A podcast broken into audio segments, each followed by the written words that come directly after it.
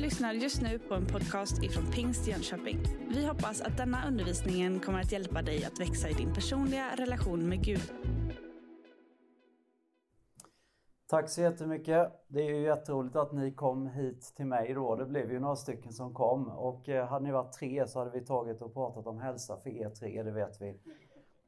Jag eh, hade en tid för några år sedan eh, när jag bytte så att säga en mellantid mellan Pingkyrkan och eh, KFUM och då jobbade en organisation som heter KFUM. Och eh, det var det så här att vi pratade om ande, och vad sa vi sen? Kropp. Och så pratade vi om själ. Och det här är ju bibliska begrepp som, som kyrkan har alltid jobbat med. Body, mind, spirit. Och i KFUMs rörelse så var det ju mycket det med träning, med kroppen, med själen, gemenskap. Och någonstans så har ju hela WHO hamnat i detta när man pratar om existentiell hälsa. Och därför är kyrkans budskap väldigt attraktivt tycker jag. Och när man tittar på min bakgrund då så jag kör lite sånt här ändå. Vi som jobbar med sånt här tycker om bilder på oss själva. Så ni får väl se några bilder här i början. Eh, jag skojar om eh, mitt mörka förflutna. Jag kan väl säga att jag har ju lärt mig nästan allt hur man ska göra och inte göra i kyrkan och i HV71. Eh, hemma på gården också när jag växte upp så lärde jag mig mycket hur man ska göra och inte göra med sin, med sin hälsa. Jag jobbar som mental coach kan man säga, men också ledarskapstränare, processledare och med ökad ålder och erfarenhet så får jag ibland sitta i fantastiska företag och ge råd om hur de ska lösa sina konflikter och annat. Och då påverkar det väldigt mycket människornas kroppar, hur de mår när man inte mår bra, hur det drar ner energin, men också meningsfullheten, det som är på andliga temat försvinner ju. Så det här är mina, kan man säga, saker jag jobbar med nu. Den senaste utbildningen jag gått, den var i förra vintern under pandemin. Då gick jag en utbildning i mental coachning, så nu kan jag kalla mig supercoach. Har ni hört talas om någonting sånt? Tänk att ni lyssnar på en supercoach idag. 18 veckor på engelska fick jag läsa och jag fick börja om kursen för det var så svårt för mig. Då sa de, vi, vi accepterar det, sa de. De förstod att det var ett specialfall de hade. Men jag har tagit mig igenom och eh, det man kan se de här sakerna är att när vi möter livets eh, olika utmaningar så lite gamla bilder på fornstora dag då. Det här är ju ett guldfirande 2004. Här hade vi jobbat med Stefan som ni ser till vänster, Stefan Liv och Johan Davidsson. Har ni sett, han har druckit annat än kyrkkaffe här, ser ni det på bilden? Om ni tittar på Davidssons ögon. Han är i alla fall, han är med på bilden. Men eh, här var vi glada efter att ha vunnit SM-guld mot Färjestad 2004. Och det som följde min resa i livet sen var ju min egen hälsa när jag fick viga Stefan 11, den 9 juli och tyvärr var med och begrava honom den 2 eller om det var 3 oktober samma år. Och eh, då kan man säga att frågorna om det här med existentiell hälsa, hur det påverkar alla oss som jobbade med HV71, alla i Hockeysverige, hela stan var egentligen drabbad av detta. Eh, då, då fick jag mer utrymme och kanske som när jag var på en retreat en gång så kanske det kom fram att det var kanske därför jag var där och jobbade i HV just att jag skulle finnas där då. Jag vet inte.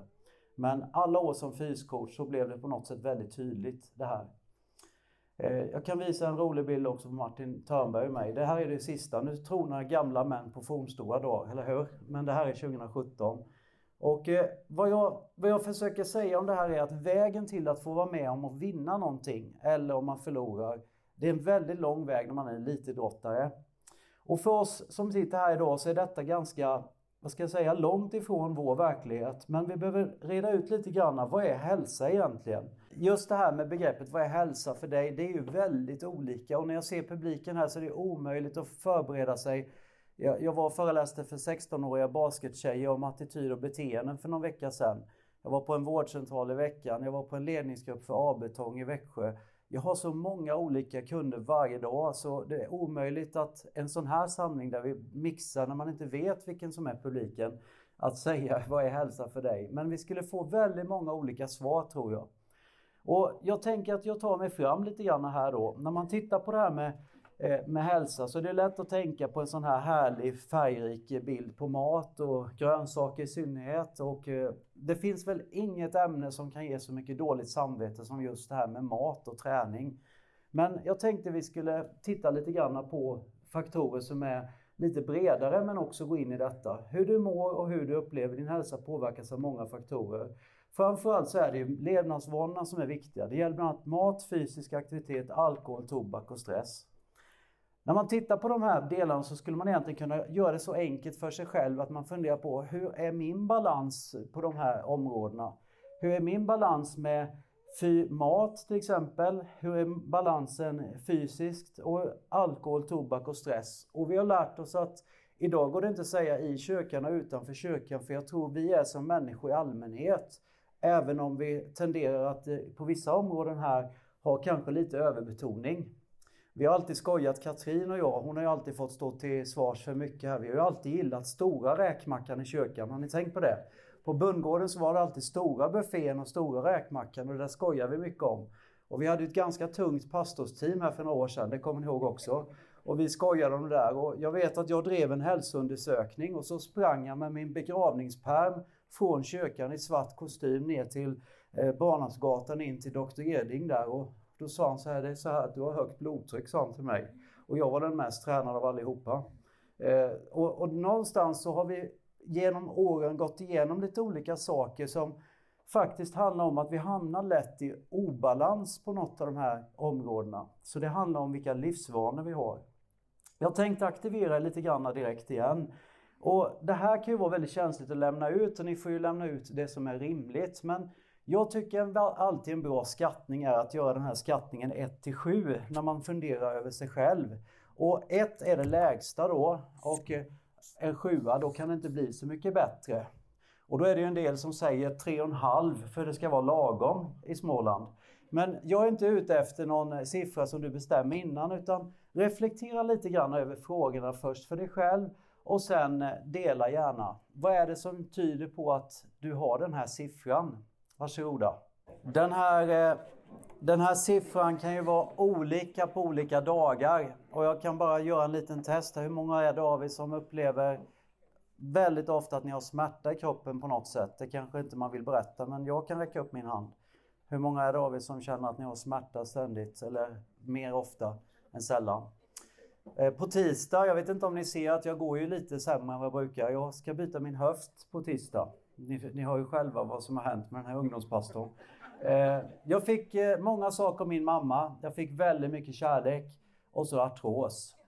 Och eh, jag har kämpat med ett knä sedan jag var 16. Jag har opererat det fem gånger och eh, jag har fått artros i vänsterknät. Men jag på grund av träning, eller tack vare träning och tyvärr också på grund av dålig träning och allt för mycket löpning på asfalt med HV-spelare bland annat och legat längst bak, alltid bland de sämre och fått ta hand om dem.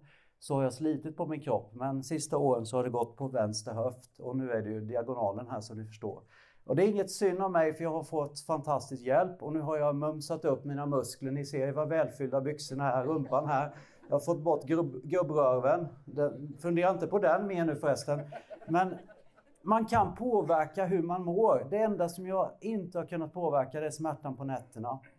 Och det som tyvärr blev min mammas ohälsa det var artrosen och mycket nätter utan sömn. Och det tog tyvärr min mammas mentala hälsa också. Och eh, nu förstår jag bättre vad alla ni som kämpar med smärta, vad det innebär. Men på tisdag någon gång på eftermiddagen när jag vaknar upp förhoppningsvis så jag sa till Mikael Samuelsson, är du där då så är det ett problem. Men annars så, så kommer jag vakna upp med en känsla av att jag faktiskt eh, är utan min smärta. Jag tror ni förstår mig. Hur mår du idag? Det är ju allvarliga frågor vi pratar om. 1 till 7. Om du har en tvåa så tänker jag så här, då är det någonting som inte är så bra för dig troligtvis. Har du en etta är det definitivt så. Och nu pratar jag kanske inte om att du har en, går igenom en väldig kris i livet, för då kan livet lätt vara en etta. Och det vet en del av oss som har hamnat i det och sorg och svårigheter. Men om vi försöker ta bort de här värsta smärtorna och sorgerna vi har och också när det är som bäst.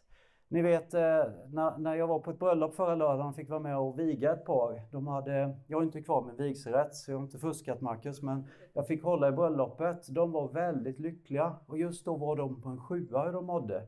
Är ni med mig? Och sen kan den erfarne säga, vänta bara, det åker snart ner.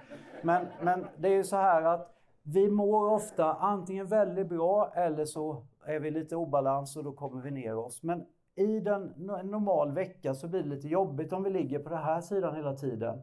Det här brukar balansera sig, men hur kan jag hitta, om jag har en fyra, hur kan jag komma till en femma i upplevd känsla? Hur kan jag komma till en sexa, kanske är väldigt högt i, i mitt liv om jag ska må lite bra? Och då har jag två saker som är bra att identifiera. Det är nämligen ett, vad är det som får dig att må bra? Och vi vet ju att vissa saker får oss att må bra över en kort stund. Och är det någonting som jag har lärt mig när jag jobbar med högpresterande människor, både i näringsliv, chefer, ledare och medarbetare, men också idrottsmän och kvinnor, så vet vi att vi ibland tar till saker som får oss att må bra en väldigt kort stund. Och det tror jag vi gör här med. Vi har alla hittat någonting som ger oss en dopaminpåslag som får oss att må bra.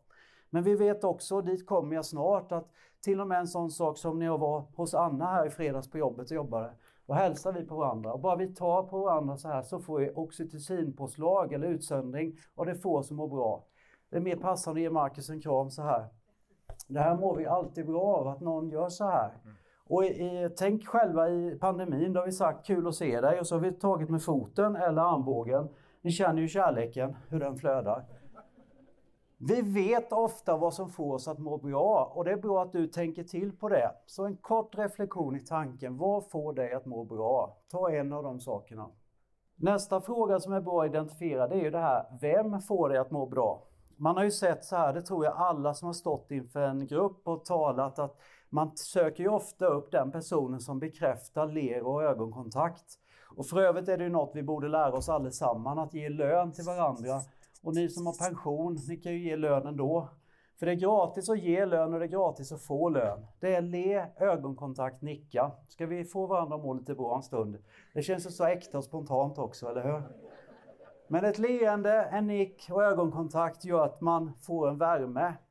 Och vem av oss kommer inte ihåg den där gången när man inte har träffat någon på länge och de säger ditt namn? Vad kul att se dig Sivert. Visst kändes det bra? Vi har delat en hel del du och jag. Härligt att se dig. Och Ann, du och jag har delat mycket. Kul att se dig. Och så känner man värmen, man känner också, man känner sig sedd. Och jag kommer tillbaka till det. Jag tycker personligen att det här är en av de här ingredienserna vi pratar om hälsa som är otroligt viktig aspekt i att identifiera var hittar jag min påfyllning av energi, var hittar jag min lust i livet och, och vem ger mig detta?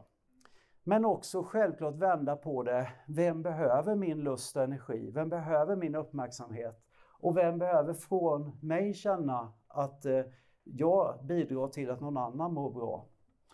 Jag behöver inte säga det, för vi vet ju det i kyrkans värld så är det vanligt det här med att vid, vid de stora insamlingsgalorna så vet man ju ofta studier på saker, men människor vill ju ge för att må, man mår bra av att ge.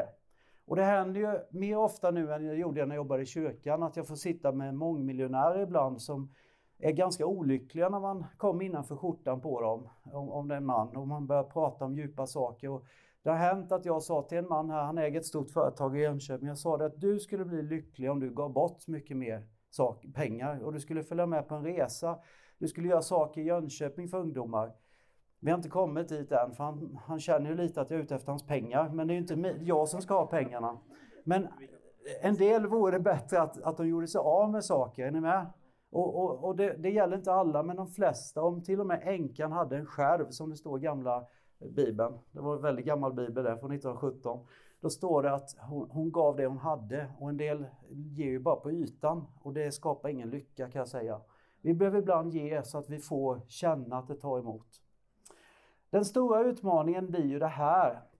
Och det, nu är det på engelska här, men balansen mellan livet och arbete. Och då har jag lagt till här idag, för jag tänkte att det kommer nog en och annan som har passerat arbetstiden, så jag har skrivit skola och pension också.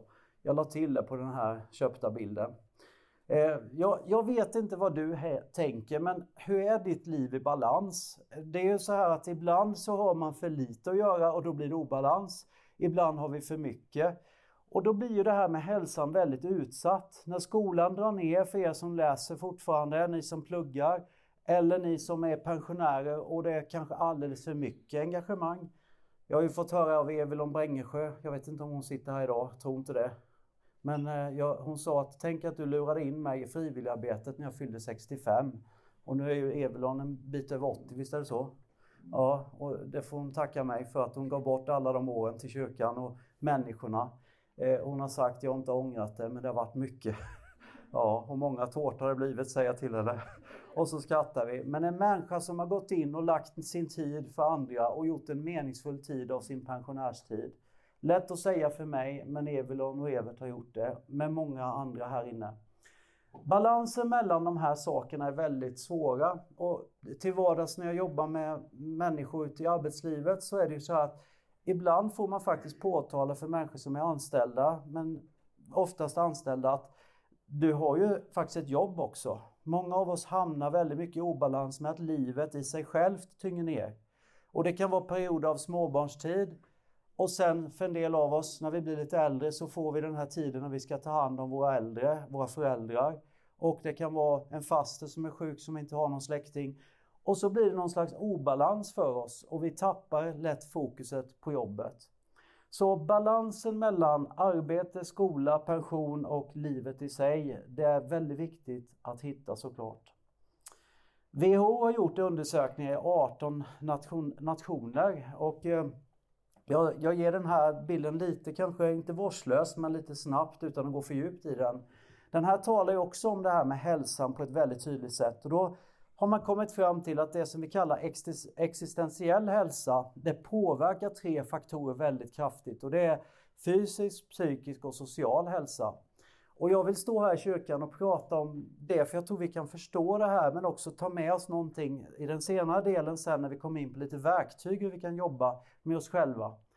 Och jag vill ändå definiera det här på ett sätt som att Läser man kvällstidningar och läser man, lyssnar man på poddar och jag som jobbat med elitidrottare och gör det fortfarande med olika sporter och personer så kan man tro att om du bara har fysisk hälsa så kommer du bli väldigt lycklig och framgångsrik. Eh, om du kommer bara att jobba med det mentala så kommer du tillsammans med det fysiska att lyckas. Men jag tror att WHO är någonting väldigt viktigt på spåren som gäller alla människor. Och eh, vi som sitter här idag, vi vet att hur fysisk hälsa påverkar oss väldigt bra. Det räcker att gå till sig själv när man inte fungerar som man normalt sett funkar när man är en man i 54-årsåldern som är, vågar jag säga om mig själv, jag är starkare än vad jag varit på många år, jag är mer tränad än vad jag varit på många år, men det hjälper väldigt lite när höften är slut. Är den slut så är den slut. Och jag, jag måste balansera min träning. Och det enda som har varit min tröst under den här tiden på ett 8-9 månader som varit väldigt tuffa så är det ju att läkaren sa du kommer inte förstöra någonting om du tränar hårt. Det enda är din smärta sa han. Och det gick jag på. Men jag fick smärta också. En del av er då tänker sig jag kan ju inte träna så. Nej, det kan du inte göra. Men hur kan du påverka din fysiska hälsa från nu och framåt? Vi kommer tillbaka till det. Jag vill också visa den här psykiska hälsan då. Det är ju hur du mår känslomässigt, hur vi fungerar i vardagen och klarar av livets upp och nedgångar. Och då vet vi när vi är trötta i kroppen så blir vi mer mottagliga för motgångarna. Det tar mycket hårdare på oss.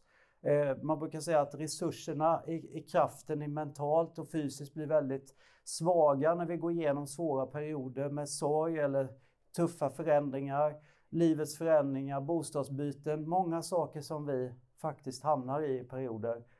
Vi vet också då att den här sociala hälsan kan påverka oss och där har vi kanske kyrkans starkaste eh, bidragande faktor till mänsklig eh, hälsa skulle jag säga. Att många av oss känner en tillhörighet. Många känner att här får jag vara med och jag ska fördjupa det här alldeles strax. Det handlar ju om våra relationer, att man har en känsla av sammanhang som många gånger citerad Antonovsky har pratat mycket om. När jag tittar på det här då så tänkte jag ändå skulle bryta ner det och eh, göra en liten djupare reflektion kring de här tre stycken faktorerna. Och jag, jag, tänker att jag är lite på er här nu då, men det är för att jag tror att ni får mer behållning av den här föreläsningen än att jag står och pratar hela tiden. Så jag skulle vilja att ni gjorde en liten analys av eran 1 7 siffra här på fysisk hälsa. Hur mår du där om du bryter ner det till fysisk hälsa idag? Och då vill jag att ni väger in det som är bra och det som är mindre bra så att det blir en ärlig siffra. Och så bara delar ni den tillsammans om det känns naturligt. Annars får du väl svälja den och ha den för dig själv. Varsågoda. 1 7 fysisk hälsa. Det kanske är överkurs att säga det här, men jag vet att många behöver höra det ändå. Trots allt. Det är att ge sig själv en liten eh, fråga här som jag ställer då. Om, om jag skulle må lite bättre, vad skulle jag då behöva göra mer av och mindre av? Ni hörde min fråga. Jag lägger ansvaret på dig. Om jag skulle må lite bättre, vad skulle jag då behöva göra mer av och mindre av? Den där kan du ta med dig hem och fundera på den eh, till eh, söndagsfikat i eftermiddag. Eh, för, för det är ju så här att allting skapas först vid ett tillfälle och sen behöver man genomföra det en gång. Alla som någon gång har tänkt sig jag ska köpa en, en, en höstkappa eller jag ska köpa en vinterjacka nu när vintern kommer har ju fått en tanke om jag skulle köpa en, hur skulle den se ut då? Till den här kroppen? Ja, det kan man undra. Men man börjar tänka tanken, om jag ska lyckas, om jag ska få folk att lyssna idag, vad behöver jag då tänka på? Om jag ska lyckas köpa ett sommarhus någon gång, den tanken hade vi för många år sedan. Det var jättekul för sen var det några medlemmar i kyrkan som var nyfikna på vårt sommarhus. Då gick larmet och då var de inne och glodde på våran tomt. Du vet, när man får en bild av någonting, om jag skulle. Det räcker att jag säger så här, tänk inte på en god kebabpizza. Vilken bild fick någon nu? Stark eller mild sås? Jag kan fortsätta vara elak mot er. Jag kan garantera att en 3, 4, 5 i det här sällskapet kommer köpa kebabpizza ikväll. Eller hur? Men gör inte det. Kanske är det sista du gör. Kebabpizzan har sitt värde. Om du skulle, om jag skulle lyckas, det är den första mentala bilden. Där skapas någonting i tanken och det gäller stort som smått. Om jag skulle resa mig i soffan, hur skulle det kännas? Då var det en som räckte upp handen på ett företag och sa, väldigt tungt. Fysisk hälsa börjar med där vi är nu. Och Det finns en väldigt viktig tanke här att vi kan inte påverka det som har varit annat än att påverka det som är nu och framåt. Och jag, jag måste nog ändå skriva ner den här bilden. Jag vet inte hur bra det syns men jag tänker att många av oss, vi har väldigt mycket eh, när man pratar med människor som har gjort lumpen och särskilt i Eksjö så där, då säger de Du skulle ha sett och så går de tillbaka till det som var då. Jag var riktigt vältränad säger en del. När jag gjorde lumpen. Och då tänker man, ja det var ett sekel sedan. Eh, det var väldigt länge sedan. Förr gjorde jag. Ja, jag kan berätta att jag också sprungit under fyra minuter per kilometer, fast du inte tror det, på terränglopp i Mörlunda. 9573 meter. Och, och jag chockerade min omgivning, för jag hade tränat så hårt. Ja, det var då det. Nu, nu går jag i bästa fall till bilen just de här dagarna. Vi kan inte leva i det som har varit, utan min nästa tanke är det är det som kommer sedan. Och eh, den här tanken är ju väldigt bra för att det är just här och nu du kommer påverka det som är i eftermiddag, ikväll, imorgon, nästa dag. Vi kan inte leva i det förflutna. Så hur du vill må kommer du kunna påverka väldigt mycket själv, även om vi vet att en del saker kommer till oss som vi inte önskar. Men den valda sanningen som jag vill lämna efter mig det är att fundera inte på det som har varit och varför och varför inte. Jag kan ångra väldigt mycket dum träning, det kan jag göra. Men jag vet att det som kommer att skapa mitt sedan, det är hur jag vill åldras, hur jag vill ta mig an den här dagen för att sen hantera nästa. Eh, jag måste säga en sak så jag inte glömmer den. De flesta av er skulle må väldigt bra av att starta en morgonrutin, eller hur? när ni kommer upp, gubbar här inne, män, killar, en, en kalsongträning i 5, 7, 10 minuter på morgonen. Och vad ni andra gör, det vet jag inte vad ni kallar det. Men en träning, lätt att komma igång och få igång kroppen, är någonting som är väldigt bra för att skapa den här dagen som ligger framför. Och kom ihåg klyschan, det som du gör på morgonen kan ingen ta ifrån dig på kvällen. Visst är det bra? Och det du inte har gjort på kvällen blir svårt att göra på natten. Och det du inte har gjort på eftermiddagen kommer du troligtvis inte göra på kvällen. Så att se till att starta dagen i bästa möjliga, eh, med bästa möjliga förutsättningar. När vi tittar på det här då så vill jag ändå gå in på det här med psykisk hälsa eh, alldeles strax. Och jag vill ändå bryta ner den här med den fysiska hälsan eh, i lite delar. Och då är det ju så här att många av oss, vi har ju lärt oss att det är balansen som är det viktiga. Balansen mellan de här tre som alla idrottsföräldrar har fått lära sig via AXA som hade ett häfte som hette Uppladdningen och det var ju naturligtvis fyllt med Axas produkter från Lantmännen och cerealiaprodukter. Det var mycket stärkelserika produkter. Men alla föräldrar som har haft barn i idrotten för, fram till för några år sedan, vi lärde oss detta. Det här är balansen mellan de här sakerna. Det är det som på något sätt ger det här perspektivet av energi och hälsa. Jag vill ändå då ta några saker kring detta med, med just att röra på sig. Och då kan man säga att det som är grundläggande rörelser, det börjar egentligen med att få hjärtat att jobba. Och nu skulle jag ju kunna läsa bibelord här och säga att framförallt ska du bevara ditt hjärta för därifrån utgår livet. Visst är det bra? Hjärtat är den viktigaste muskeln. Och den här har vi ju fått, en del har fått ärftliga eh, starka hjärtan, en del har fått sämre och en del har fått saker som kan leda till att man blir skadad och måste byta ut delar i bästa fall om man hinner det.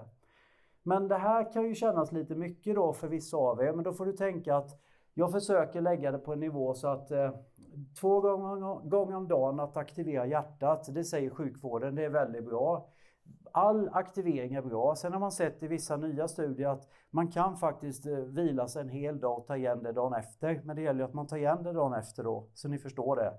Affe, jag sa inte att du skulle vara ledig. Jag sa att du skulle ta igen det sen. Det är bra. Och, och, då är det en del hantverkare och andra som jobbar hårt med kroppen. Eh, då säger man, men jag jobbar ju med kroppen. Ja, det är ju jättebra för att få igång stegen, det vet vi också. Men om man ska vara riktigt ärlig så kan ni känna själva och gör den här framför er får ni känna att det här är hjärtats pumpförmåga. Eh, jag, jag, jag sa till någon, någon gång i kyrkan här innan för många år sedan att det var någon som var arg på mig för jag hade sagt att jag hånade de som gick runt och fingick runt Munksjön. Det är naturligtvis bättre att gå runt Munksjön. Du ser, jag kan ju inte ens gå runt Munksjön längre. Eh, det är bättre att du går en Munksjön än inget alls, men det är bra om du inte undviker backar. Det är bra om du får lite puls. Och då är det en del av er som, för er är det tillräckligt att gå en kilometer, för någon annan så behöver det en mil. Men det som är poängen med hela den här tanken, det är Be smart, exercise your heart. Det här får oss att må bra. Eh, doktorn och professorn Anders Hansen har ju kommit med sina böcker precis som att det var något nytt för oss som har jobbat med idrott i alla år. Men det har ju fått samhället att vakna och därav har det betytt jättemycket med hans böcker. Han säger till exempel att eh, det här med motion, det, det förhindrar ju så många psykiska skador och psykiska sjukdomar. Vi, vi kan hålla nere, vi, vi mår bättre.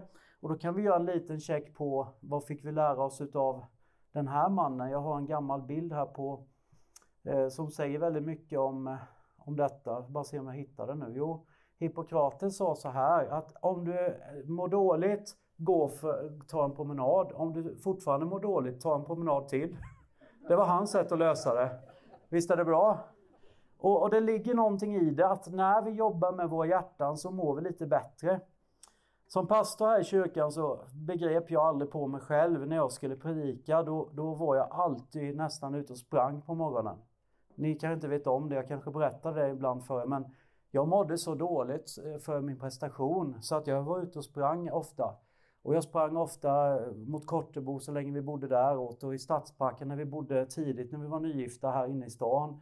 Och, och eh, liksom det var lite konstigt men det var ju naturligtvis så som Anders Hansen säger. Man blir klar i tanken, man hanterar sin stress och så kom jag hem och eftersvettades och duschade och så åkte jag till kyrkan som att inget hade hänt.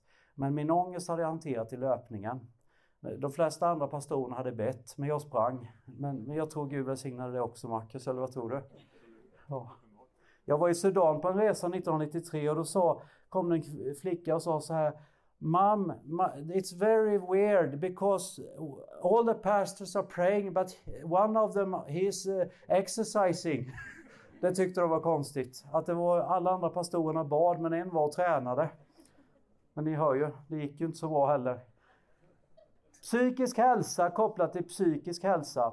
Ja, vad ska vi mer tänka på då? Ja, om jag fortsätter visa lite bilder kring det här, balansen.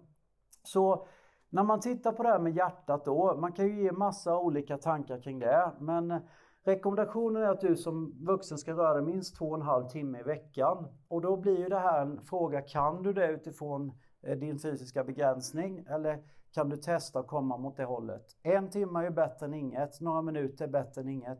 Det är alltid bättre. Och har ni sett studierna på de här 90-åringarna som aldrig har tränat i sitt liv? Har ni sett de tv-programmen? Då finns det hopp för den som är 70 och det finns hopp för den som är, vad är du?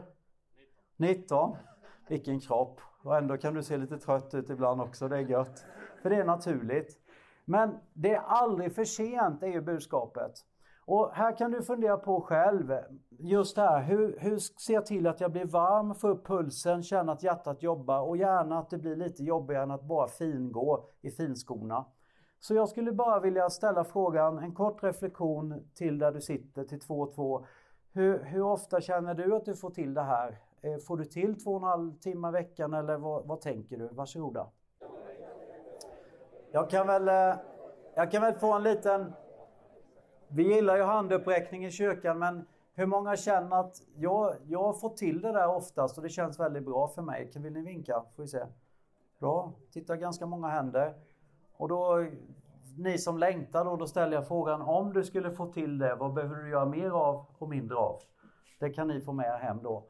Det här är fullt rimligt. Det finns säkert många olika studier och forskningar på det här, men vi vet en sak och det är att när vi får en ambition av att komma ut, ta på oss rätt skor och gärna ut i solljuset. Jag har inte ens sagt något om det, men det, det tror jag vi alla är överens om att det stämmer med vad forskarna säger. Att stå och låsa in sig på ett gym, det kan ju vara bra när det är mörkt ute, men annars är det ju luften, syret, solen och gärna tidigt på morgonen för de som kan det. Nu kan vi inte det alla för vi har ett jobb att sköta.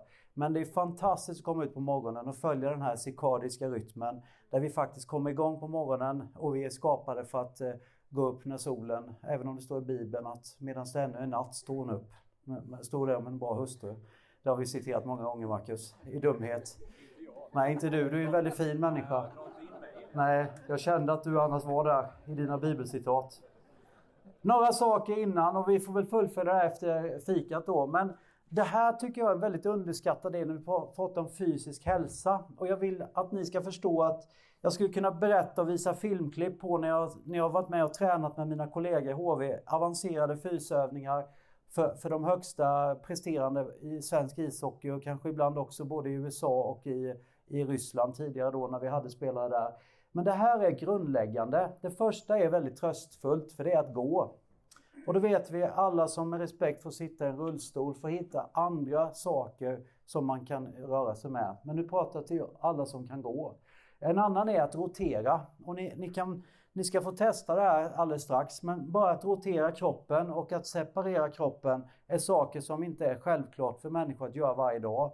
Men när vi räfsar, om vi räfsar löv, så gör vi alla de här sakerna. När vi böjer oss eller sträcker oss på oss i ett skåp och ska ta ner någonting. När vi ska rotera fram, så någonstans så gör vi det här utan att tänka på det. En annan sak är att dra. Eh, ni ser de här lite kanske evolutionistiska bilderna som finns här i utbildningen jag gått då. Men här drar man ett djur. Det är ju fullt naturligt för en människa när man går på ICA dra fram köttet ur boxen, eller hur? Men man drar ju saker. Det är också en naturlig, faktiskt, eh, kroppens förmåga, funktionalitet. Att böja sig ner. Eh, och det är inte naturligt för alla. Och det blir värre med åren som någon sa.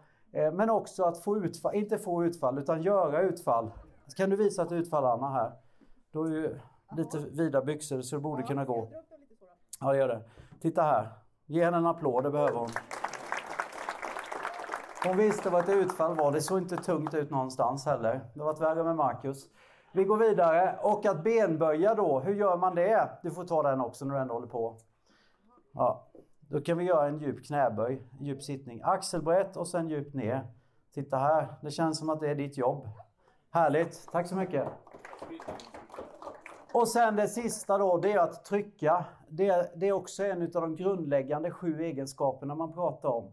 Och då kan man säga så här, om du ska ha någonting med dig från den här föreläsningen som handlar om fysisk träning, se till att låta hjärtat pumpa. Se till att hitta rörelser och övningar där du faktiskt gör de här sakerna.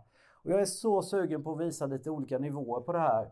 Eh, och jag, jag, kan bara ta en sak, Anna om du vill hålla micken. Nu är jag lite justerad här men om du håller den här. Eh, det här är en sätt för en del skulle räcka. Så här skulle räcka för en del. Det kan vara jobbigt nog. Mot en vägg. Eh, mot, gör det inte så svårt. Det finns inga ursäkter om du hjälper. Om du skulle anlita mig, och jag, fast jag har inte tid med dig. Men om du skulle anlita mig, jag skulle hitta övningar till dig. Det finns inga ursäkter att inte göra någonting. För det finns alltid nivåer. Och det här kan vara bara en sak. Nu ska ni få dra ut stolen lite nu allihopa. Och så, så ska ni få känna att det här är inte... Jag har ju funderat på för övrigt, men det kanske någon kan komma med tips och råd som har bytt höften innan eller något liknande. Men jag har funderat på bara när jag ska gå på toan. Tänker själva på onsdag morgon själv hemma. Jag kommer riva ner hela inredningen. För jag måste ju ha något att hålla mig antagligen. Men detta är liksom en väldigt grundläggande sak som många av oss, utan att riva ner inled. Så ni kan göra en sju, åtta stycken när ni sitter. Och sen bromsar ni ner, så ni, ni tappar inte ner rumpan menar jag. Utan ni, ni tar bromsar ner och sen inte hjälpa till med händerna. Och så känner ni själva, ungdomarna där är oförskämt lätta. Va? Fy vad ni hånar de äldre. Och vi kan, bara, vi kan göra så här mitt i corona är över då, att vi tar en hand och så testar ni bara att dra lite över bordet så här får ni känna. Det är en drag, dragrörelse. Varsågoda.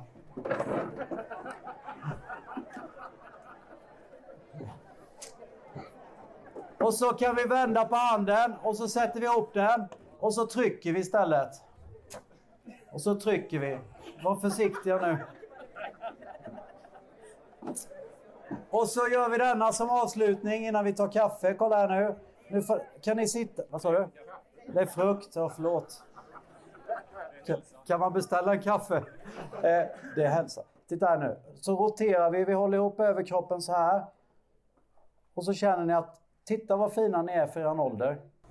Är det någon som har kommit på någon livsförvandlande tanke här nu att eh, efter idag ska jag börja?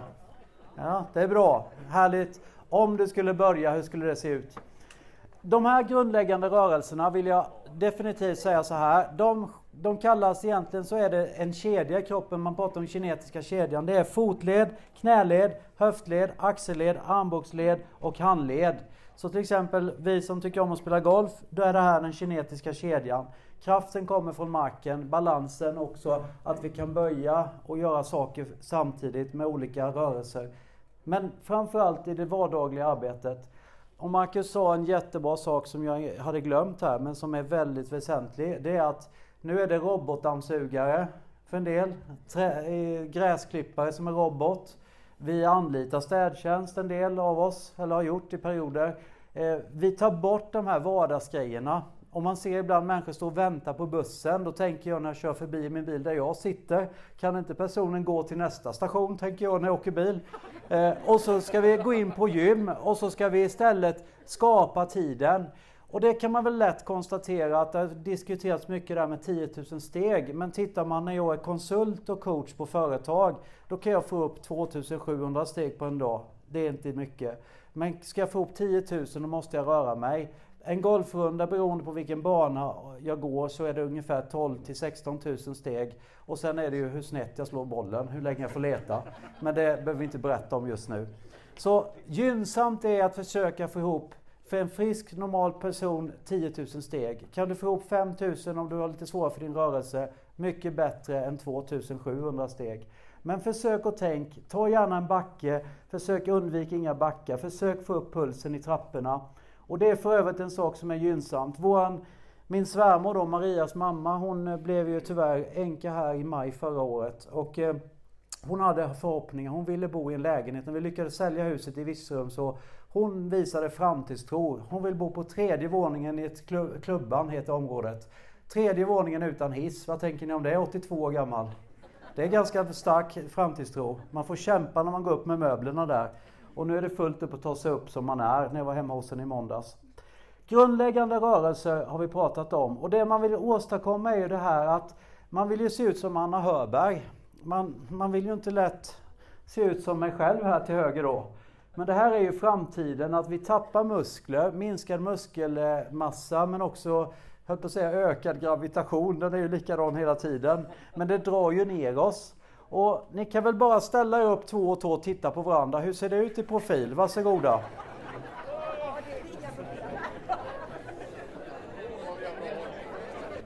Alternativet är ju att inte göra något, är ju att vi stelnar, vi kommer att dra ihop muskulaturen, vi blir den här krumma mannen, tappar. Sen ska man ha respekt för att det finns sjukdomar och människor som inte har kunnat göra saker. Det är inte dem jag pratar om nu, utan alla kan göra något.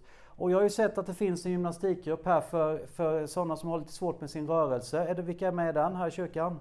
Med vår sjukgymnast, vad heter hon? Eva Ståhl. Eva Ståhl, titta är ni med den? Har ni kul? Hur går det? Blir ni smidigare med tiden? Va? Ja, ni är elitgymnaster snart ja, det är helt rätt. Vilken mental inställning! Va? Men, men ibland när jag är ute på företag brukar jag fråga hur trött kan man vara när man är 24? Eller hur? En del är ju jättetrötta, en del är 84 och är väldigt pigga. Vi vet att det kostar mycket energi att komma in sån här till jobbet, att komma hem sån här, att känna att man inte får upp hållningen och detta. Och det bygger på styrka, så sträck ut kroppen och gärna baksidan först som Anna visade så föredömligt. Sen för övrigt finns det ergonomistudier som är att vi gör ungefär 10 000 rörelser på framsidan hela tiden och då blir man lätt eh, framåtroterad i kroppen. Så vi måste jobba med antagonisterna, rygg och mage och sträcka ut. Så nu fick ni lite extra kunskap där. Vi kan inte bara göra en ensidig rörelse framåt utan vi måste göra det som är tvärtom. Och som ni ser mig nu så har jag problem här och då blir det att jag lätt blir sån här. Min golfsving ser ut som att jag är en fågelskådare numera. Istället för en atlet som ser ut sån här. Oj, tappar jag balansen med. Lite fakta här. Att vi vet att det här är saker som är sanna. Och jag, jag lägger de här bara så kan du läsa själv. För jag vill inte stå och mata massa bilder. Men jag tycker det är skönt att ha med sig lite grann de här tankarna som är från forskningen. Så inte bara jag står och pratar om det. Men om, du, om vi rör på oss så, så säger ju också de som då eh, pratar om medicin. Det kan ersätta tabletter, det kan ersätta för de som dricker vin, ett par glas vin. Så är det ett mycket bättre alternativ att röra på sig än att eh, ta till de här sakerna som får oss att lindra smärtan som vi har och också den här lilla livsångesten som kan finnas. Så jag stänger den delen med att gå in på nästa då. När vi pratar om de här tre faktorerna så, så kan man säga att vi som håller på med elitidrott, vi har jobbat mycket med, nu står det motion där för jag är lite snällare, annars står det träning, belastning, intensitet och tid. Ju hårdare man tränar, ju mer man jobbar i livet, ju mer vi sliter på oss, desto djupare och brantare blir den här kurvan. Och då på uppsidan behöver vi ha balans på de här tre sakerna som är sömn, kost och återhämtning. För att vi vill ju uppnå det som kallas superkompensation på idrottsspråk och rent fysiologiskt för den som är väldigt otränad så blir det en väldigt stark effekt om du börjar träna och röra dig överhuvudtaget. Små saker. Till och med bara sitta i en stol och göra så här. Eller när du börjar göra de här tio uppresningarna eller fem eller sju på en stol. Om du tränar det medvetet så kommer du känna att på bara några veckor så kommer du aktivera nervsystemet mellan hjärnan och musklerna. Och det här är väldigt viktigt då att veta, hur hittar jag balansen på andra sidan då? Jag har ett citat som de älskade i sjukvården som jag släppte i februari. Jag hade med Göran Henriks som är utvecklingsdirektör i Region Jönköping. Han börjar väl gå på slutet av sin yrkeskarriär nu. Han och jag har ju haft kontakt någon gång ibland via idrotten då men han ringde mig med kort varsel och sa kan du ha en föreläsning för 90 chefer digitalt? Du får 20 minuter och du ska tala om hur de ska återhämta sig och få återhämtning bland sin personal. Och sen fick jag, jag har nog fått 20 personaldagar sedan den dagen. Det måste varit en väldigt bra föreläsning. För jag pratade om den här kurvan och då citerade jag en av mina utbildare genom åren som heter Westein Hastensen och alla som har tittat på Daniel Ståhl som är diskuskastare vet att det är hans tränare. Och Westein och jag, vi har gått eh, utbildningar och han har framförallt utbildat mig eh, ett antal år in i min karriär som fystränare. Han säger så här, den som tränar hårt och jobba hårt måste vila hårt. Han är islänning. Visst lät jag som han nu? Alltså, det här är ju en del bra på i kyrkan. Vi är bra på att vila hårt. Men en del är kass på det. Och när vi jobbar hårt, engagerar oss hårt och så ska vi ju vara utanför jobbet så ska vi också engagera oss hårt. Det, framgången för en idrottsman, om ni förstår en idrottskvinna, det är att man kan träna hårt för att sen stänga av saker. Och då har vi ju massa saker och tankar kring det här. Eh, på pausen här, gjorde jag omedvetet så gick jag och tog i den här och la vid fikat. Jag fick kaffe istället för frukt för jag ville ha kaffe. Jag behövde lite doping här. Eh, varför tar vi den här hela tiden? Varför ligger vi och kramar den här på kvällarna? Kan ju finnas något bättre att ta i, Eller? Nalle till exempel eller något. Eh, Var, varför, varför ska vi ha, jobba med datorn i knät? Varför är vi ständigt uppkopplade? Någon säger ta inte ifrån mig TVn i sovrummet. Nej, det är ju ditt val. Men vi vet att vi sover bättre om vi inte har de här grejerna nära oss. Och det räcker till och med ha en, eh, läsa budgeten om du har den på nattduksbordet för er som jobbar. Det är inget man blir pigg av. Så att normalt sett så mår vi bättre av att stänga av för att sen kunna sätta på krafterna. Så den som tränar och jobbar hårt måste vila hårt. Så fundera på hur det ska gå till. Några ord om ätandet som då är så förenat med mycket dåligt samvete. Vad ska jag egentligen äta? Jag tänkte så här när vi är i kyrkan, man måste ändå säga lite grann, hur var det vid skapelsen egentligen? Nu får ni hjälpa mig som är teologer. Men det var ju två stycken söner, eller hur? Hur var det? Den ena han var jordbrukare, den andra var boskapsuppfödare. Det kan ju tala om, visst var det så? Det kan ju tala om att man är för både att äta kött och att äta gröt. Hängde ni med mig nu i tanken? Eh, jag tror Gud har gett oss en bredd här på något sätt, men vi vet att forskningen säger att bland annat de folkslag som mår väldigt bra, det finns ju någon japansk eh, folkstam som lever väldigt länge och de äter mycket ris. Det var ju mycket debatt att man inte ska äta ris och kolhydrater. Eh, men, men annars är det Eskimoerna har ju knappt obefintligt med hjärtproblem till exempel och de äter ju fet fisk. Är ni med mig i tanken? Men om man går tillbaka till det här så mormonerna som vi kanske inte pratar om i Pingstkyrkan men de lever väldigt länge, särskilt i ett område i Utah för de äter bara grönt. Och det är så mycket som talar för att kan vi äta mycket av det som är på den här bilden så lever vi länge och vi mår väldigt väl. Och alla som vet, som tycker om en köttbit som jag gör, vi vet ju att vissa köttbitar, men i synnerhet mycket stärkelserik mat som med, med, ris och bröd, så mår vi ganska dåligt efteråt. Just när man äter det är det gott, men man blir lite proppmätt. Och då kan man säga så här, variationen av en kraftig köttbit tycker jag är bra personligen. Men rent hälsomässigt så måste man på något sätt se till att man får i sig näringen. Och då är det ju så här till alla som är äldre så är det många äldre som får i sig för lite näring. Konstigt nog. Man får, fikan i kyrkan är oftast ganska näringslös om jag får vara ärlig. Det är idag då den, ni har dopat upp den med massa, var det grönt eller vad var det? Tänk på att en del kanske... Massa frukt. Massa frukt, ja väldigt bra.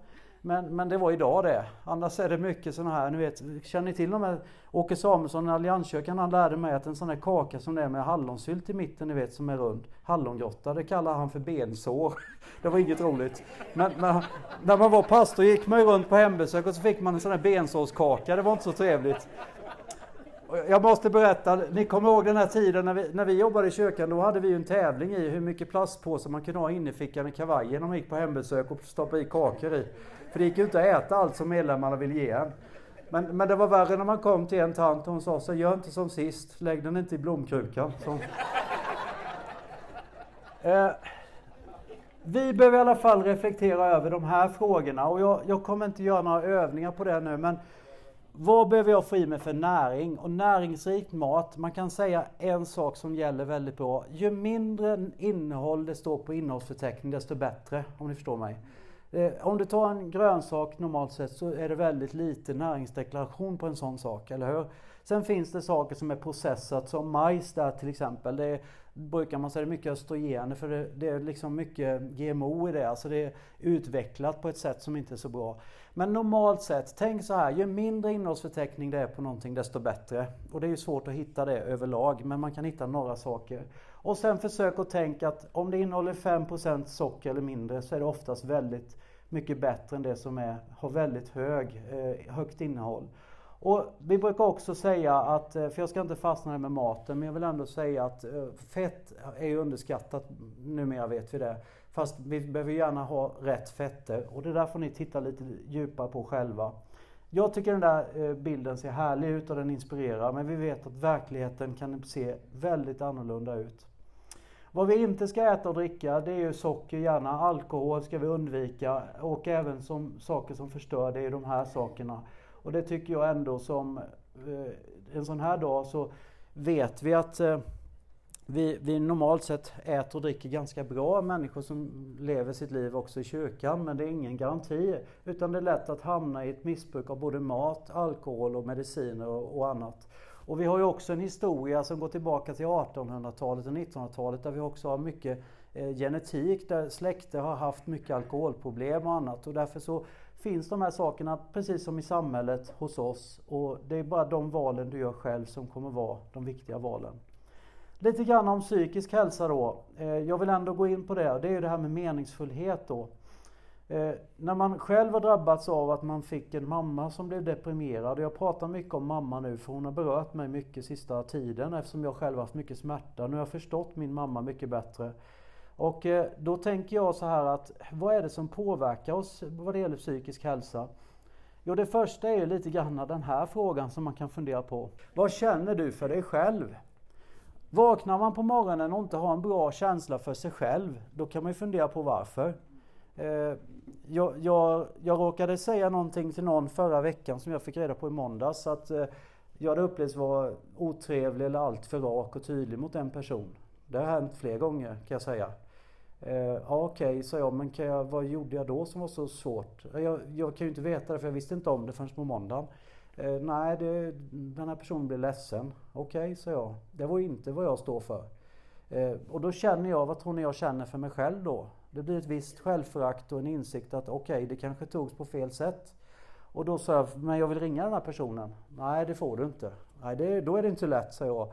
Men kan jag hälsa då genom, genom dig? Ja, det kan jag göra. Men jag sa det blir väldigt konstigt om vi ska jobba ihop och inte jag kan säga vad jag tycker, sa jag.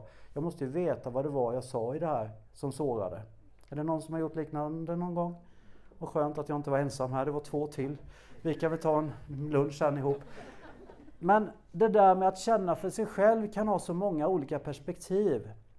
Och jag berättar det här för att när vi vaknar med oss själva, vi lever hela dagen med oss själva och så ska vi gå och lägga oss någonstans med oss själva och, och, och leva med det vi har sagt, gjort och inte gjort och sagt. Och så ska man på något sätt börja fundera på hur är det? Och då vet alla nu när vargtimmen kommer framåt tre att då kan det vara väldigt mörka tankar för en del av oss. Och det är det här jag tänker att vi behöver ha en bra känsla för oss själva och inte vara så hårda vid varandra. Och behöver vi be om förlåtelse så menar jag att mina livsprinciper som har varit 15 års lärande på alla företag som jag nästan börjar varje föreläsning med för att det går hem ofta för folk förstår det här. Och det gjorde jag i Växjö i måndags och jag kommer fortsätta med det i veckan när jag är på något annat ställe. Det är det här att om jag blir sedd, om jag säger tack och om jag kan säga förlåt eller jag ber om ursäkt för att jag kom sent eller att jag missade en sak. Då kommer man väldigt långt. Problemet är att det är väldigt svårt med det sista ordet, att många av oss har svårt att förlåta oss själva för saker vi sagt och gjort. Någon som känner igen sig? Hur kunde jag? Hur kunde jag glömma? Eh, och ni har hört mig säga det lite allvarligt, lite väl tungt kanske, och skuldbelägga sig själv. Men hur många gånger har inte jag behövt tänka på det här vad det gäller min mamma som tog livet av sig 14 april 2016. Varför åkte jag och spelade golf med mina nya golfklubbor en eftermiddag på Sand istället för att åka hem till mamma 12 mil och, och vara med henne och ta henne till sjukhuset. Men hade jag vetat att det var så illa, då hade jag gjort det. Men jag visste ju inte. Är ni med mig? Eh, nu tog jag ett väldigt hårt exempel. Men vi behöver få både vår egen och Guds förlåtelse här i detta och få hjälp att komma vidare med skuld som vi bär på. För är det någonting som drar ner vår hälsa så är det just skuld. Och jag lovade mig själv, fast jag tyvärr inte har kunnat leva efter att är det något som jag ska aldrig ge människor mer utan med glimten i ögat så är det skuld för saker som det här hände med mamma. För så mycket skuld jag har gett människor. Ungdomar när jag var ungdomspastor. När jag var pastor kunde man lätt... Jag skojade med någon som har köpt en ny BMW. Så då fick hennes man ringa och säga att ja, hon var ledsen för du hade sagt så här, ska du köpa en sån BMW när du kan ge till de fattiga? Och, och, och själv har jag köpt bilar som du vet och jag liksom... Alltså det var ju ett skämt men det tog väldigt fel. Så att ge skuld är aldrig någonting bra. Så jag säger så här, om du inte har fått förlåtelse och kommit över saker du har sagt, gjort eller inte gjort. Se till att, att prata med någon som du har förtroende för och gör dig av med den där skulden. För det är inget som främjar din hälsa. Det vill jag ha sagt. Och jag tror Gud ser så på oss också. Okej, okay, vad ska vi ta nu? Jo, det är ju det här. En sak som jag märker väldigt tydligt, det är det här med att styra sina tankar. Eh, väldigt många av oss hamnar otroligt lätt i negativa tankemönster och har ett väldigt dåligt self-talk som heter ett självprat. Och jag vet inte hur många det var av er som ställde sig upp idag och spände bicepsmusklerna. Men det är ju det här, vad ser du i spegeln när du ser dig själv? Är det någon som har sagt vad snygg jag är idag till sig själv? Det är inte en människa som säger det här kyrkan. Vad fin jag är för min ålder. Har du sett vilka armar jag har? Vi har väldigt svårt för att se det positiva. Däremot ser vi en för stor näsa. Vi kollar en del av oss över byxlinjen, kollar kalsongerna. Ja, det hänger där lite. Ja, det gör det. Men eh, var glad för det, för du är på benen. Är du med mig? Vi har lätt ett sätt att se ner på oss själva som drar ner vår hälsa. Men också att vi har negativa tankar när händelser och saker sker. Och då blir det lätt den här lilla grejen då. Typiskt att det ska hända. Ska vi säga det tillsammans? 1, 2, 3. Typiskt. En gång till, högre, så vi riktigt får njuta av det. 1, 2, 3. Typiskt. Känner ni vad pigg man blir av det? Och det här drar ju ner. Typiskt jag ska missa det. Eller varför ska man alltid? Eller varför? En del kommer upp på morgonen och säger det värsta jag varit med om. Kommer till kyrkan och hör att ljudet är dåligt. Det är det värsta jag varit med om. Ja. Eller det går aldrig. Eller det är det värsta jag vet. Känner ni att man boostar sig själv verkligen? Eller Va, nu måste jag städa. Vi säger det också för man får njuta lite. 1, 2, 3. Måste. Känner ni vad naturligt det är för oss? Eller vill inte, kan inte och vågar inte. Det här blir olust. Och då blir det att vi tappar hållningen. Det här drar ner oss väldigt mycket. Tänk om vi kan byta språket, tankarna som kommer, istället att säga när det värsta som händer är istället att ja, det var nytt för mig. Det är man inte ens sugen på att säga för det är rätt gött att vara i typiskt. Eller, jag har varit med om värre. Jag berättade det här för Annas grupp i fredags. En fredag var jag på Länsförsäkring här och föreläste för många år sedan. Då hade jag gjort den här bilden precis, och den är väldigt gammal. Men den är fortfarande aktuell. Och då så var det en äldre man som satt bredvid en yngre. Det var ju after work då en fredag eftermiddag. Och då skulle den här unga killen på en dejt träffa någon tjej då för första gången. Och då sa den äldre som var min ålder. Tänk om han kommer på måndag och säger jag har varit med om värre. Är det positivt då? Eh, det vet jag inte. Men han hade varit med om värre i så fall. Eh, och, och, vi är ju lite experter på också att säga så här. Ja, det var inte så dumt idag. Har ni hört den? Det är väldigt mycket dra ner. Istället för att säga vilken hälsodag vi har haft i kyrkan idag. Så när du pratar till dem som inte har varit här idag, så det lät sig, ja det var rätt intressant, det var inte så dumt och maten gick ju att äta också till slut. Eller? Det är mycket bättre att förstärka saker. Vilken dag vi har haft! Tänk om du hade varit med, eller hur? Och likadant, det kan hända. Jag klarar det med. Jag vill. Det här är klyschigt så det bara smäller om det, men det får det vara.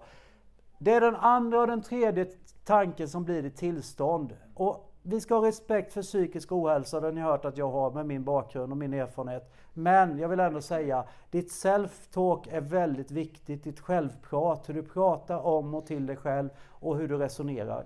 Så nu vill jag bara att vi tar en liten kort stund och gör en liten samvetsgranskning. Ni alla tittar till vänster, vilka ord och beteenden är det där som du känner att det här vill jag byta ut? För där hamnar jag lätt i mitt sätt att tänka, känna och prata. Varsågoda. En liten, eh, en liten kyrklig anekdot som jag kanske har släppt genom åren. Det var, ni, ni som är unga kanske inte vet, men som pastor så jobbar man mycket med att gå hem till människor ofta när de fyller år och det är ofta förknippat med fika eller mat och eh, därför jag skojat om det här innan. Men jag, jag brukade berätta länge när jag föreläste, när jag kom ut med mitt företag och kom ut på arbetsplatser att när jag jobbade som pastor brukar jag berätta, då var jag också på hembesök och då var jag hos en tant en gång och hon hade gjort sockerkaka. Och ni vet, då är det det här på den här negativa sidan då. Då säger man eh, ja, välkommen pastorn och så satt vi där och så, så hade hon gjort en, en sockerkaka och jag sa då som eh, bonde från landet sa jag kan man få ett glas mjölk med?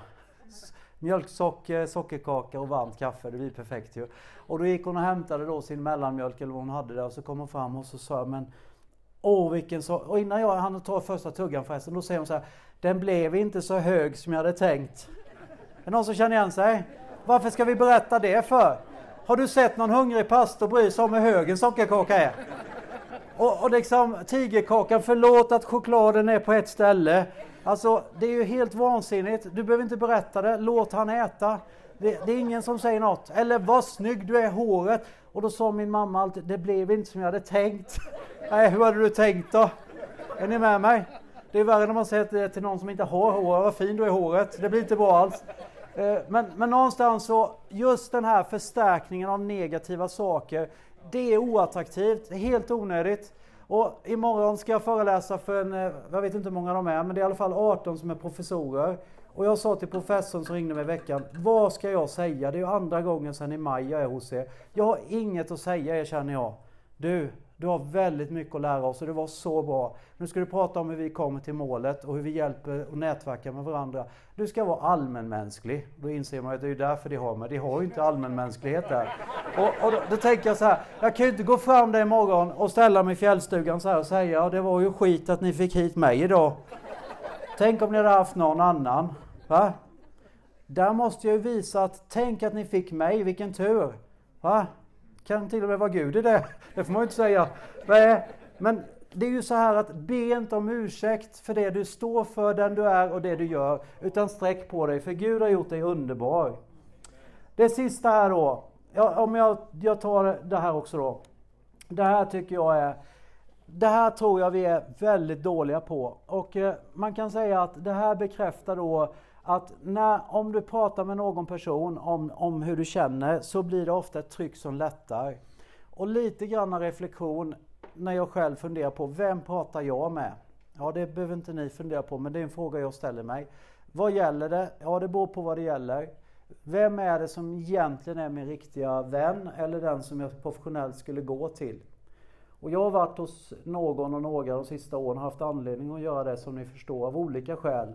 Men det är lätta på trycket när du anförtror det till en person. Men du kan inte anförtro det till alla. Det är kanske är därför många av oss lägger ut på sociala medier, ser mig, hör mig, eh, uppmärksammar mig. Eh, men, men just att gå till en person är väldigt viktigt och då kan jag inte låta bli att säga någonting om det här. Och nu blir det väldigt stora powerpoint-bilder här men jag var tvungen att klippa in lite från SCB. Eh, och, och, undersökningar som är gjorda att titta själva, bland kvinnor uppger 11 att de inte har någon nära vän medan siffran för män är 17 eh, Och det här tyder på att kyrkan har ett jättestort uppdrag. Vi som kristna troende har ett jättestort uppdrag. Eh, nära 4% av befolkningen, motsvarande 290 000 personer, uppskattas vara socialt isolerade. Och då pratar vi inte om de som lever i relationer som kan känna sig ensamma, för det kan man också göra i en relation. Eh, men också det här att eh, man, man, om man bor ensam eller inte, det är inte alltid för, förknippat med negativ ensamhet. ensamhet men eh, inte självvald ensamhet kan bli fruktansvärd, det vet vi. Och därför vill jag bara visa de här sakerna, vad, vad som kan hända. Och jag har fått säga till några stycken här att ge det här verktyget, har jag fått säga till några närstående. Eh, och, och, också ibland får man vara lite tuff då när någon säger att man inte har en vän. Men det här kan vara en god hjälp. Så jag visar det verktyget innan jag tar min sista punkt. Och det är det här första. Ta första steget till kontakt genom hälsa, småprata och ögonkontakt med andra människor. Vill du ha mer vänner och människor som du vill ha kontakt med, då tar du ett första steg. Det är väldigt bra. Eh, det här har jag fått säga till människor som blir ensamma i form av att de förlorat en närstående. Och när det gått en tid med sorgen så kan man behöva vara lite rak och tuff med en sån här person. Och det är väl där jag har min styrka ibland, att jag säger lite som jag tänker. Och du måste själv sträcka ut en hand för att få en. Det känner vi till. Men det är inte så lätt när man blir själv och ensam. När det inte är självvalt. Men också det här, fundera ut sammanhang du kan träffa likasinnade och sök dig till dem. Till exempelvis en kör eller en förening eller ännu hellre då kanske kyrkan i det här fallet. Att söka upp en sån här situation. Och det här verktyget kan vi ju berätta för dem som vi känner som kanske skulle behöva höra det här från någon. Och sen får man ju välja vilka som kan bli ens vän och försöka vara en själv till att börja med. Det är lätt att säga men svårt att göra. Men jag vill ändå dela med mig av det här för jag tyckte det var väldigt bra från den här John i USA som har kommit på det här verktyget.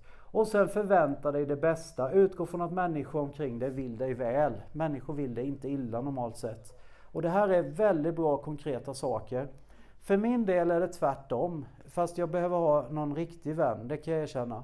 Eh, för mig är det tvärtom. Jag går ju, när jag går på ICA så vill jag helst ha tomtedräkt så jag slipper se någon med dåligt äktenskap eller någon som har bensår. Eller någon annan person. För det, det är mitt sätt att överleva. Jag kan inte räcka till för alla. Förstår ni mig? När jag ska spela golf vill jag stå i fred och träna golf oftast. Och det råkade jag säga till några som är på mig och tjatar hela tiden så de var nästan stötta över det. Men jag sa, det här är min stund just nu. På gymmet så vill jag gärna hälsa och prata ibland, men ibland vill jag bara vara i fred. Det är när man känner att man kan hjälpa sig själv att hitta energin för att kunna bidra till de som behöver mig som mest. Ja, då behöver man ibland lite ensamhet. Och Jesus han, underhöll sin hälsa genom att vara i en öde trakt. Så de fick gå och hämta honom för att många behöver dig, ropa efter dig, sa man. Till sist då, den sociala hälsan och något verktyg hinner jag med på 11 minuter.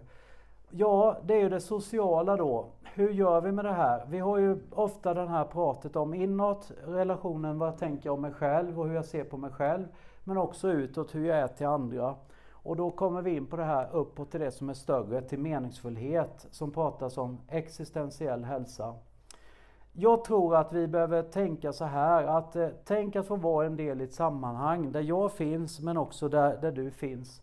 Och det är som att eh, den här gamla träningslägesbilden med HV, Laholmsskogen för tre år sedan. När vi skulle hålla meningsfullt, vi hade anlitat militärer som skulle träna gruppen på att hålla samman och mentalt bli starkare.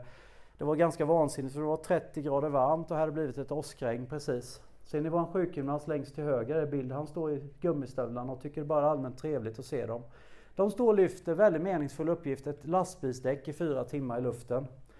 Ni känner vilken meningsfull uppgift HV71 har på försäsongsträningen. Och så ville vi se vad som händer i gruppen och vilka som bidrog och vilka som inte bidrog och så gjorde vi massa övningar längs vägen. Men det vore väldigt tråkigt om inte man fanns med i ett sammanhang där det bara handlar om mig själv, eller hur? Och hälsa är för mig mycket att få vara med i ett sammanhang där man blir hälsad på. Och det har jag saknat sedan jag slutade i HV71. Jag har saknat att någon kommenterar mig när jag kom in på morgonen.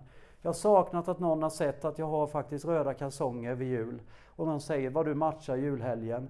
Jag har också saknat när Lillis Lund smeker mig på ryggen när jag är klar med han säger Här är den helige Hansen. Han menar att jag har hårig rygg. Det är den manliga världen att säga hej på morgonen. Jag saknar de sakerna men också det här dela framgång och motgång. Blod, svett och tårar. Det där saknar jag kan jag säga. Samtidigt så har jag fått leva i det så länge och är så tacksam för det. Var hittar du ditt sammanhang? Det är min fråga. Några konkreta verktyg då. Hur ska vi klara det här? Och en av de mest eh, citerade eh, citaten kring det här med förändring, det kommer från Sören Kierkegaard och det kan vara lite ibland väl uttjatat, men jag tycker det är så bra fortfarande. Alla vill ha utveckling, men ingen vill ha förändring. Och det är bara gott sig själv. Hur många av er reste sig ur sängen på ett annorlunda sätt idag än igår? Jag kan lova att ni vältrar ur sängen på samma sätt varje morgon. Ni som tog på er strumporna, vilken fot börjar ni med? Troligtvis samma som igår. Om ni har strumpor på er. Är ni med mig? Och vi kan göra en liten test här som är passa i kyrkan. Vi kan knäppa händerna så här. Känner ni vad fint det är? Nu känner vi att nu håller vi koncentrationen. Nu ska ni byta håll. Det var svårt, eller hur? Vi kan sätta armarna i kors. Gör fullt ut hela vägen in. Och så byter ni håll får ni se. Helt onaturligt. Alla vill utveckling, men ingen vill förändring. Vi behöver ibland leda oss själva för att komma till en utveckling. Och det är att träna på förändringen. Att om vi börjar på ena foten med strumpan så kan det vara nyttigt att stå på andra. Testa bara för dig själv och tänka tanken att borsta tänderna med vänsterhanden om du är van att borsta med högerhanden. Det kommer inte bli rent, men det kommer bli det med tiden, eller hur? Och det är detta att ständigt tänka, hur kan jag göra någonting annat som inte jag gjort innan för att uppnå lite högre hälsa? En av de största faktorerna till att folk ger upp när man gör en förändring, det är ju den här att man, man har ett nuläge och sen har man en tydlig målbild om vad man vill uppnå. Och jag sa så här, om du skulle lyckas med det här. Och då är min fråga, kommer det vara en rak pil ända upp från nu och till målbilden? Så här ser det ofta ut när man ska skapa förändring, både hos sig själv och i en organisation. Det är nämligen att det börjar väldigt bra. Och, och, det här tycker jag är en väldigt viktig poäng att tänka som jag skickar med. Att om det handlar om fysisk, psykisk eller social hälsa så kan det börja bra. Men problemet är ju att efter ett tag så kan vi tappa och det kan till och med som ni ser bli lite sämre, att man kommer under den nivån man började. Så man brukar säga att den kritiska fasen är när du får de första motgångarna. Och, och det kan vara så att någon säger att nu ska jag gå ut och gå på morgonen, en liten promenad.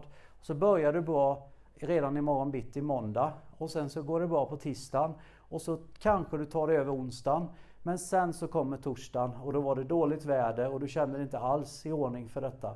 Det är då det går neråt, det är då du ska visa att du har kraft i förändringen, att det kräver att du leder dig själv. Och det kan vara flera sådana här situationer där det går upp och ner. Det är inte alltid det är en motgång, det kan vara flera motgångar. Och vi vet för de av vännerna som har alkoholproblem och andra problem att de börjar ofta en stark förändringsresa, sen kan det bli bakslag. Och då vet vi att då behövs det mycket kärlek, respekt och det behövs omtanke och det behövs självledarskap. Och jag vill landa in i mina tankar och säga så här att om du inte har ett tydligt mål för det du gör så är det väldigt svårt. Jag gick en eh, utbildning för några år sedan i, i grupputveckling och då sa professorn där som jag jobbade med han såg ut som en professor för övrigt, hur de nu ser ut. Rufs i håret och glasögonen så här och så sa han Du om någon borde fatta att eh, om inte en grupp ser målet så är det inget mål. Det var djupt, eller hur? Men om man, är, om man är ett gäng människor, om man inte ser målet framför sig så är det inget mål. Om du som person inte ser det där målet, vad du vill åstadkomma för att öka din hälsa, så kommer det vara ett väldigt otydligt mål. För den som sätter sig i en bil och kör efter gudstjänsten idag och inte vet vart den ska, den får en lång resa. Är vi med? Så min fråga är, vad tar du med dig av idag? Vad kan vara ditt mål för en ökad hälsa på de här tre områdena? Vad kan du behöva utveckla för beteenden? Vad, vad, kan, vad kan du göra? Vem kan hjälpa dig? Och när vill du börja med din resa? Vi tar och avslutar ett kort samtal vid borden och sen säger vi tack. Så vilka beteenden kan du behöva göra? Vem kan du kontakta och när börjar du? Varsågoda. Jag var på ett samtal eh, hos en av dem som jag har jättestort förtroende av för tre år sedan ungefär. Han och hans fru satt där, jag, jag kom hem och jag sa att jag, jag har bekymmer med de här sakerna jag skulle berätta. Och de satt kvar båda och eh, det var i förtroende. Och då så säger mannen till mig som en väldigt klok eh, andlig vägledare. Magnus, det som när du åker härifrån, jag hade min motorcykel och körde. Det som du tar med dig på motorcykeln, det som är kvar ikväll och det som imorgon när du vaknar upp, det som ligger kvar av värde av vårt samtal och det du sa och det vi har sagt och lyssnat på, det är där du ska jobba. Det har jag hört på Bjärka Säby när jag varit på retreat också. Det som är kvar efter den här retreaten, det är där du ska jobba med dig själv. Och då tänker jag, det är mycket vi ska göra, men tanken med det här seminariet var ju inte att du ska göra mer. Vissa saker lite mer, men annars är det att vila, att förlåta dig själv, att eh, se till att skapa förutsättningar för livet. För vi vet en sak att normalt sett så jagar vi det här. Vi vill ha mer pengar, fonderna ska gå upp och så vet vi att de har gått ner. Om ni inte visste det så kan jag berätta det. Känns det bra? Typiskt, eller hur? Eh, vi vill att det här ska bli så mycket som möjligt. Och när jag var ung så skojade vi mycket om den som har mest när han dör vinner. Är ni med? Det här vill vi ska gå upp. Men det här vet vi sakta men säkert går ner för varje dag. Vi vet inte var det tar slut. Det kallas livet. Hur vill du leva det resten av ditt liv? Ja, det är en stor fråga. Men en sak som jag vet, det är att vi har ett ansvar men också en möjlighet när vi har Gud på vår sida att känna kärlek, glädje och ge det bästa av oss själva och ge det bästa till oss själva som vi kan. Så lycka till med livet. Tack ska ni ha.